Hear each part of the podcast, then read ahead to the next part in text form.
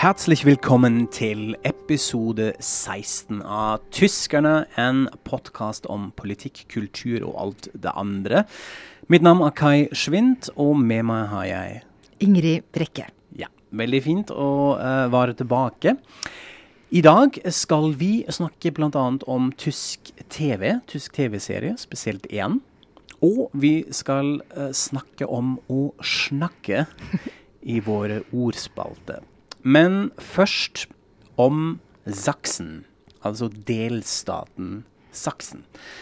Da har det skjedd mye i, i det siste, Ingrid, og ikke nødvendigvis hyggelige ting.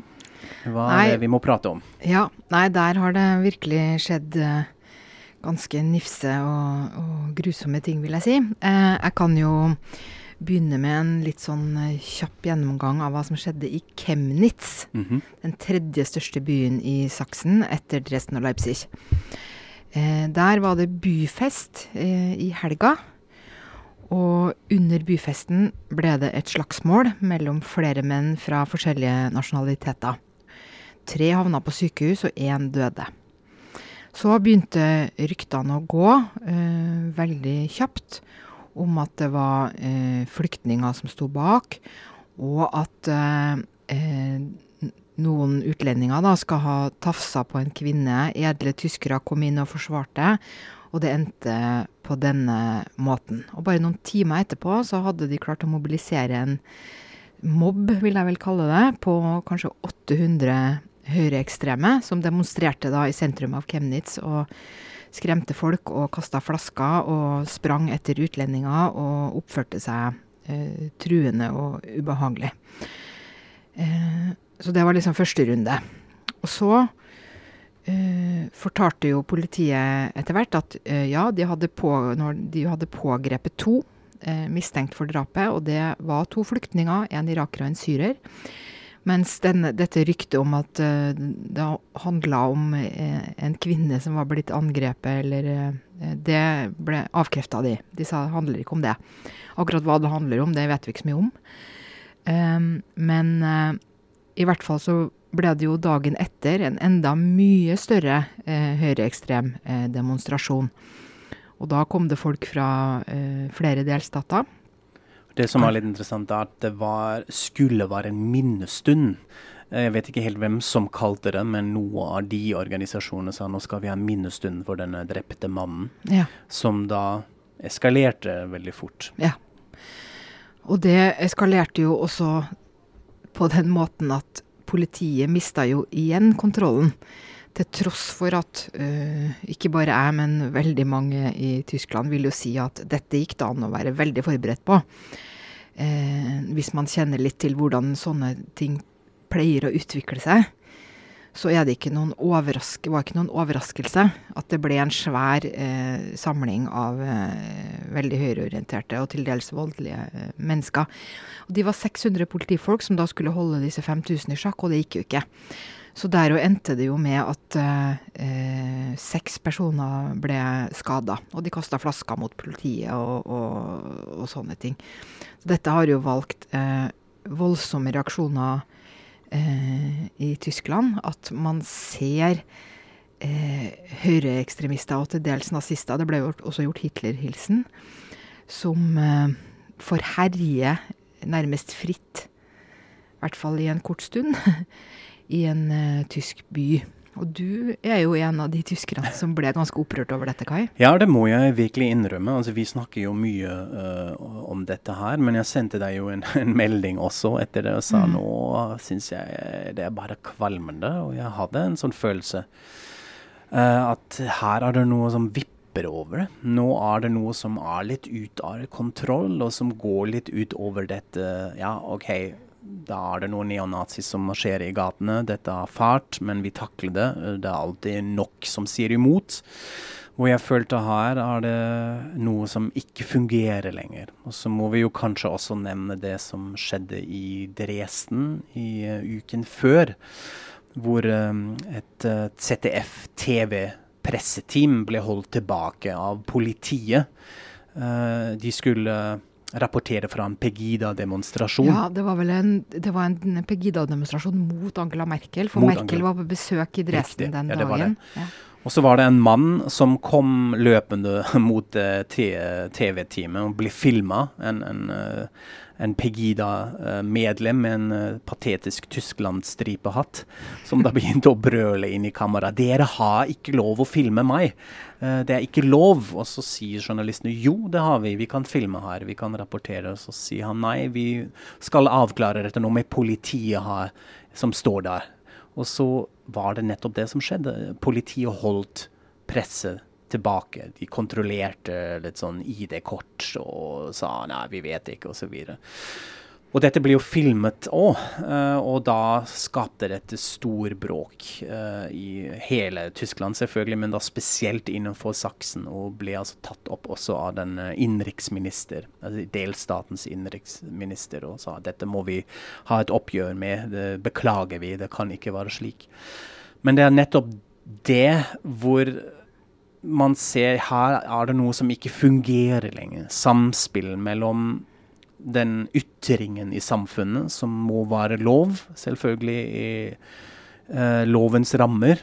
Uh, hvordan politiet reagerer på dette, og hvordan mediene fungerer midt opp i, i, det der.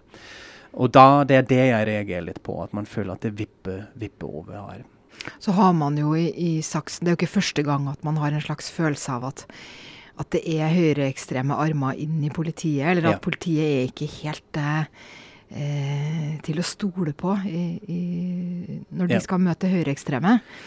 Sånn at eh, det, er, det, er, en usikkerhet der som gjorde at man fikk vann på mølla. da. Men jeg må jo også si at eh, denne Pegida-episoden om TV-teamet vakte jo enorm oppsikt. og det, Alle medier skrev om dette. og folk reagerte øh, veldig. Og da var det igjen dette med saksen og hvor ille det står til og sånn. Og da var det en kommentator i Frankfurter Allgemeine Zeitung som skrev sånn Kanskje vi skal slappe av litt, og, og vi må huske at Dresden ikke akkurat er Sierra Leone.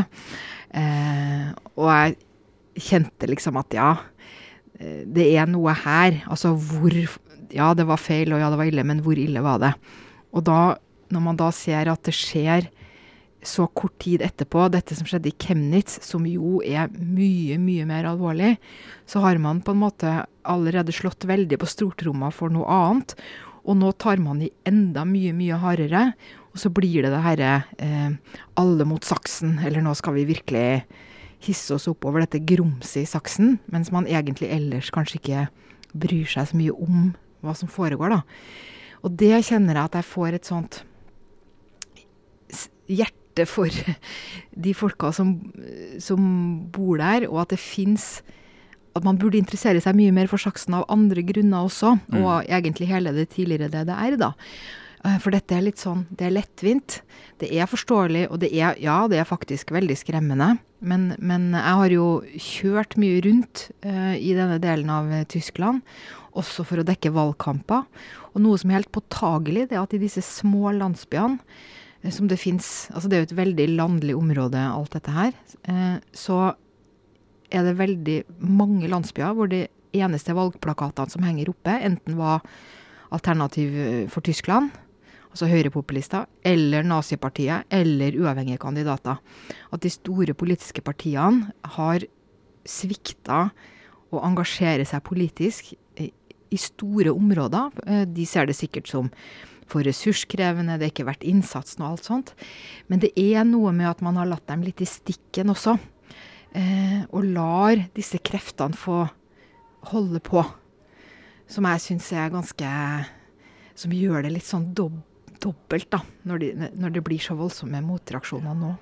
Ja, det tror jeg er en veldig smart uh, og sånn sett fin i anførselstegn analyse av det. Fordi uh, for meg gir det nå også litt mer mening enn å kontekstualisere dette i forhold til DDR-historien hele tida. At man er ikke vant til immigranter derfra osv. Nå er dette også unge folk, folk som har 1920 uh, sånt, uh, og som er mye mer påvirket av denne konteksten som du da beskriver, kanskje storpolitikken.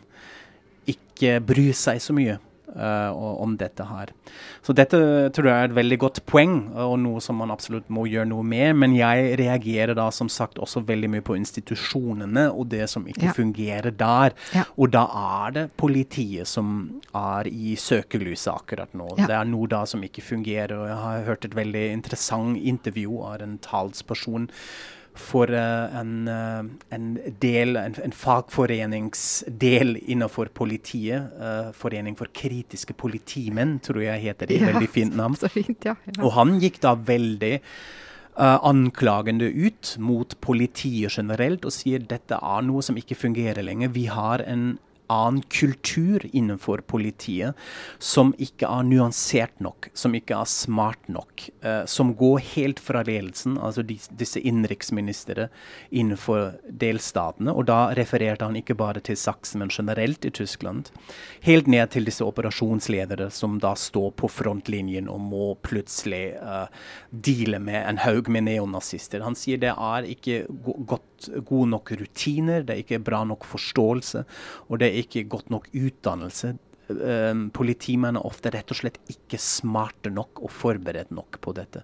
Og dette syns jeg var ganske heavy anklager og påstander, mm. uh, som det ser ut han har noe poeng i. Mm. Uh, dette virker jo sånt. Uh, hvordan kan du feilberegne det på den måten at du møter opp med et par hundre mot 5000? Hvis man kanskje har fulgt med i sosiale medier litt mer, og vet man jo hva som kommer til å skje. da. Og så tror jeg også litt i samme gate, da, at, eh, at en, et sted hvor, hvor, også institusjonene, eller hva man skal kalle det, i hvert fall politikerne, må ta, ta selvkritikk det er jo også det at man har prøvd å si at nei, vi har ikke et problem. Det er ja. ikke sant at vi har mer høyreekstremister her enn mm. det ellers og sånne ting. Og det må det jo Det blir vel slutt på det nå, men det er jo Kristelig Kristeligdemokratene har jo regjert i saksen siden eh, murens fall.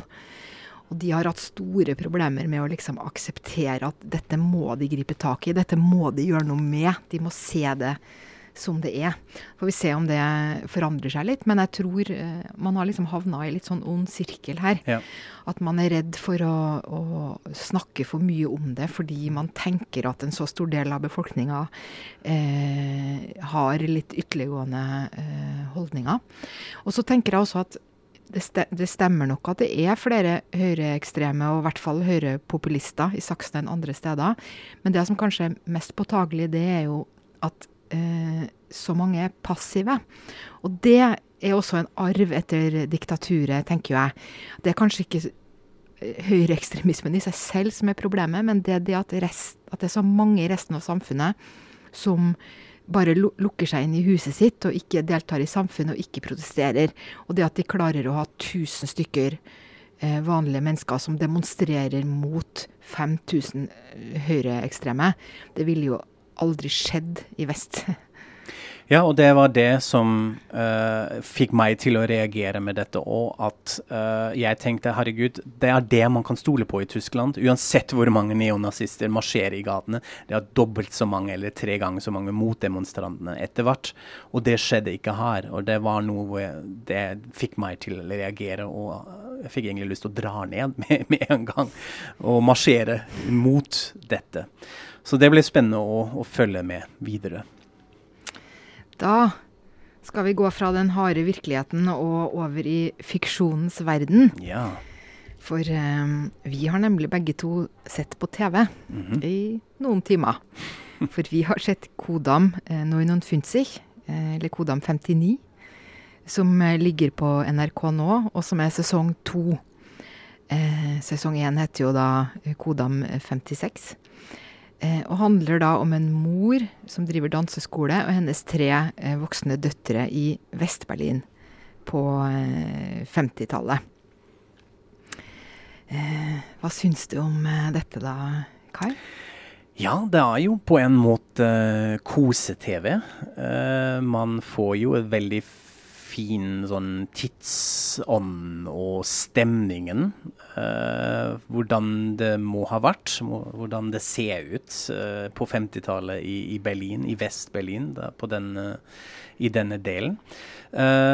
men så er det også noe med den, hvordan den historien generelt fungerer. Og da tror jeg vi er litt sånn enig i at den første sesongen var litt mer sånn sjablonaktig i, i, forhold til karakterene og sånn. At man følte ok, her er det litt sånn ulike historiske uh, og samfunnstemaer som skal representeres via en karakter. Altså, ja, jeg slet litt med det der. Altså, hva hadde vi da?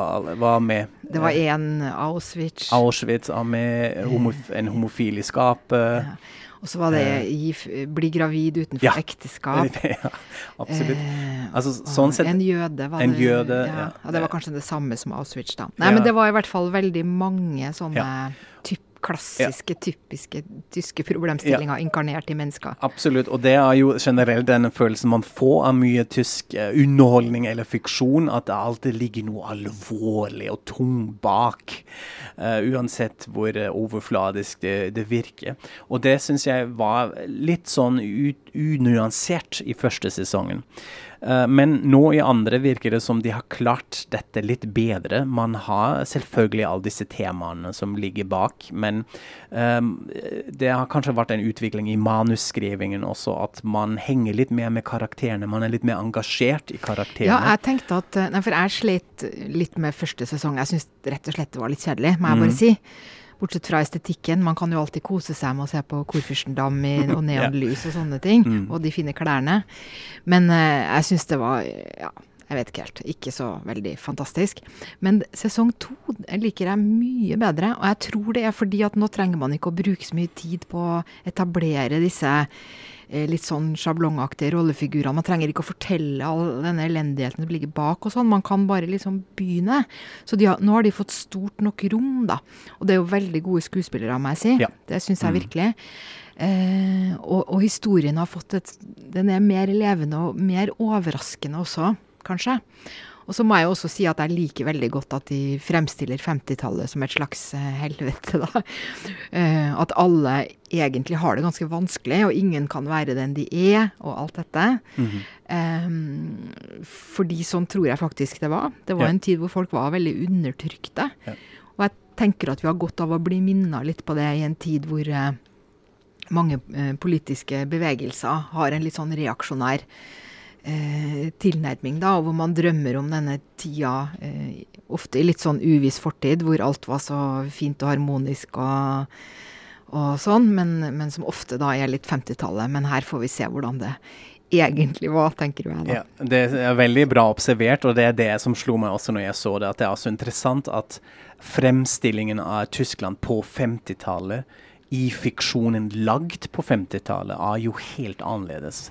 Da har man denne idealiseringen, og alt er morsomt, og vi synger noen låter, og det er ikke urbant, vi er på landet, og det er litt sånn kjærlighetsfarse, boulevardhistorie, og det er hyggelig, og vi har nok penger, og alle spiser godt nok. Litt sånt. Ja. Uh, men nettopp som du sier, var det et ganske regressiv, reaksjonær samfunn.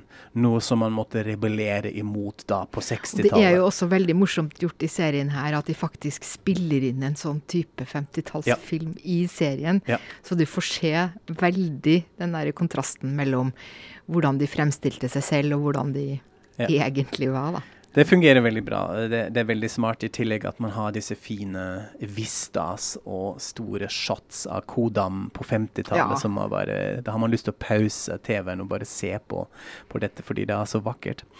Det som var litt interessant med den serien, og det fikk jeg egentlig bare når jeg så på rulleteksten, var at den også er produsert av Nico Hoffmann.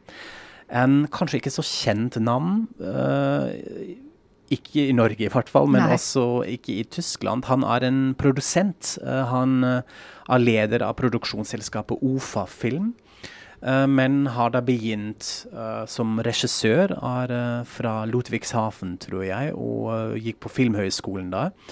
Og har egentlig blitt kjent i Tyskland fordi han har produsert mange, mange filmer som nettopp gjorde det, nemlig ta for seg noe sånn historisk hendelse, en del av den tyske historien, mest fra etterkrigen, men også før, og lagd sånn litt tabloid underholdning uh, ut av dette.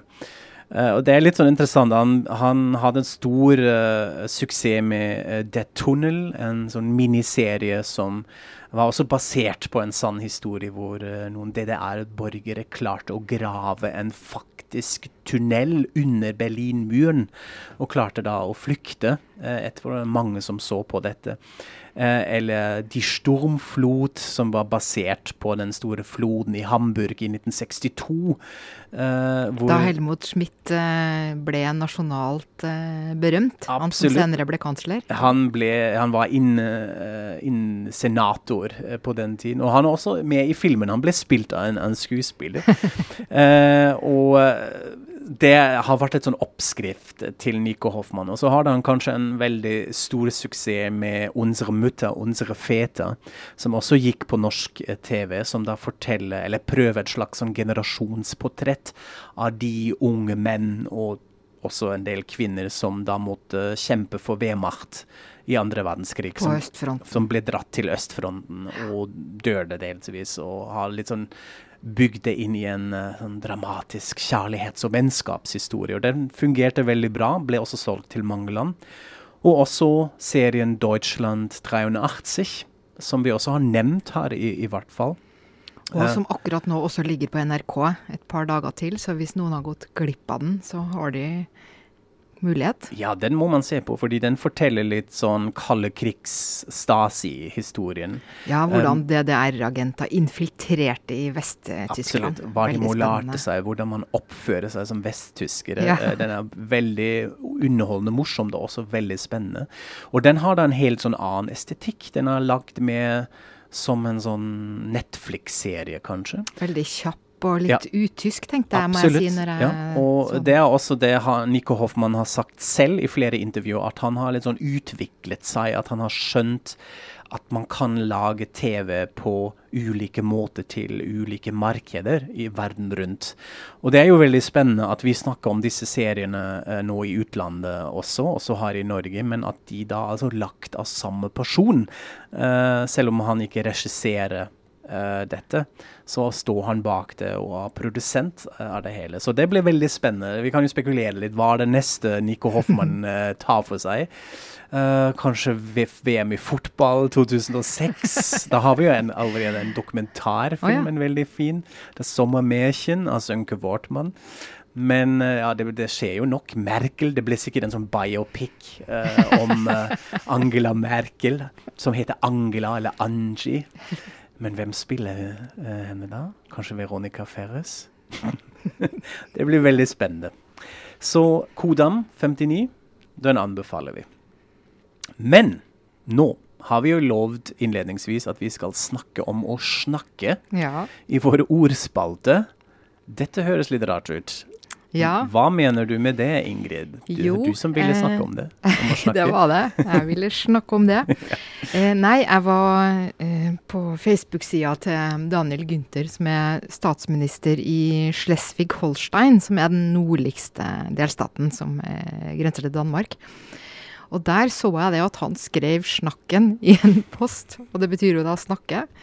Og det høres for meg jeg synes det var veldig morsomt, for det høres bare ut som tøysetysk. Og jeg syns det var så gøy, fordi at uh, når man er nordmann, så blir man jo Man lærer jo fort at i Hamburg så har de, uh, og i nord har de en del sånne ord, da. Og i Hamburg så har de f.eks. rundstykk, altså rundstykke. Mm -hmm. eh, og man sier moin. og noen sier også moin moin. Og når jeg googla det, så lærte jeg at uh, man må ikke si moin moin, for da blir du en snakken, for da er du en skravlebøtte. ja, det er for mye. Ja, det er for mye. Så det holder da med moin, da, tydeligvis, hvis man skal Ja. Men snakken syns jeg var veldig bra, altså. Det var et, et, jeg skal si det masse når ja. jeg drar til Tyskland. jeg syns det er veldig artig at du ikke visste dette. Fordi ja. det var for meg, når jeg kom og lærte meg norsk, en sånn ting ja, selvfølgelig selvfølgelighet å snakke å snakke, fordi det hadde jeg hørt før. Og det er vel Uh, Plattdeutsch, altså platt-tysk, som man kaller dette. Jeg vet ikke om det fungerer som et egen språk. Kjære lingvister, ikke drep meg hvis jeg sier feil nå. Men platt-tysk er altså noe man snakker, man snakker i de nordlige regionene, og som er en uh, blanding av nederlandsk, noe engelsk ord, tysk og da skandinavisk, i anførselstegn. Så det er veldig morsomt å høre noen snakke platt Deutsch. uh, og det er mange nordmenn som sikkert skjønner, skjønner en del av. Så da skal vi uh, snakke oss ferdig nå, ja. kanskje? Ja. Da sier vi bare takk for oss, og så uh, følg med på vår Facebook-side, Tyskerne. Og vi blir jo alltid kjempeglad eh, hvis dere gir oss noen stjerner i iTunes, skriver en anmeldelse, eller kontakt oss med tips, gi tilbakemeldinger. Takk for oss. Auf Wiederhören.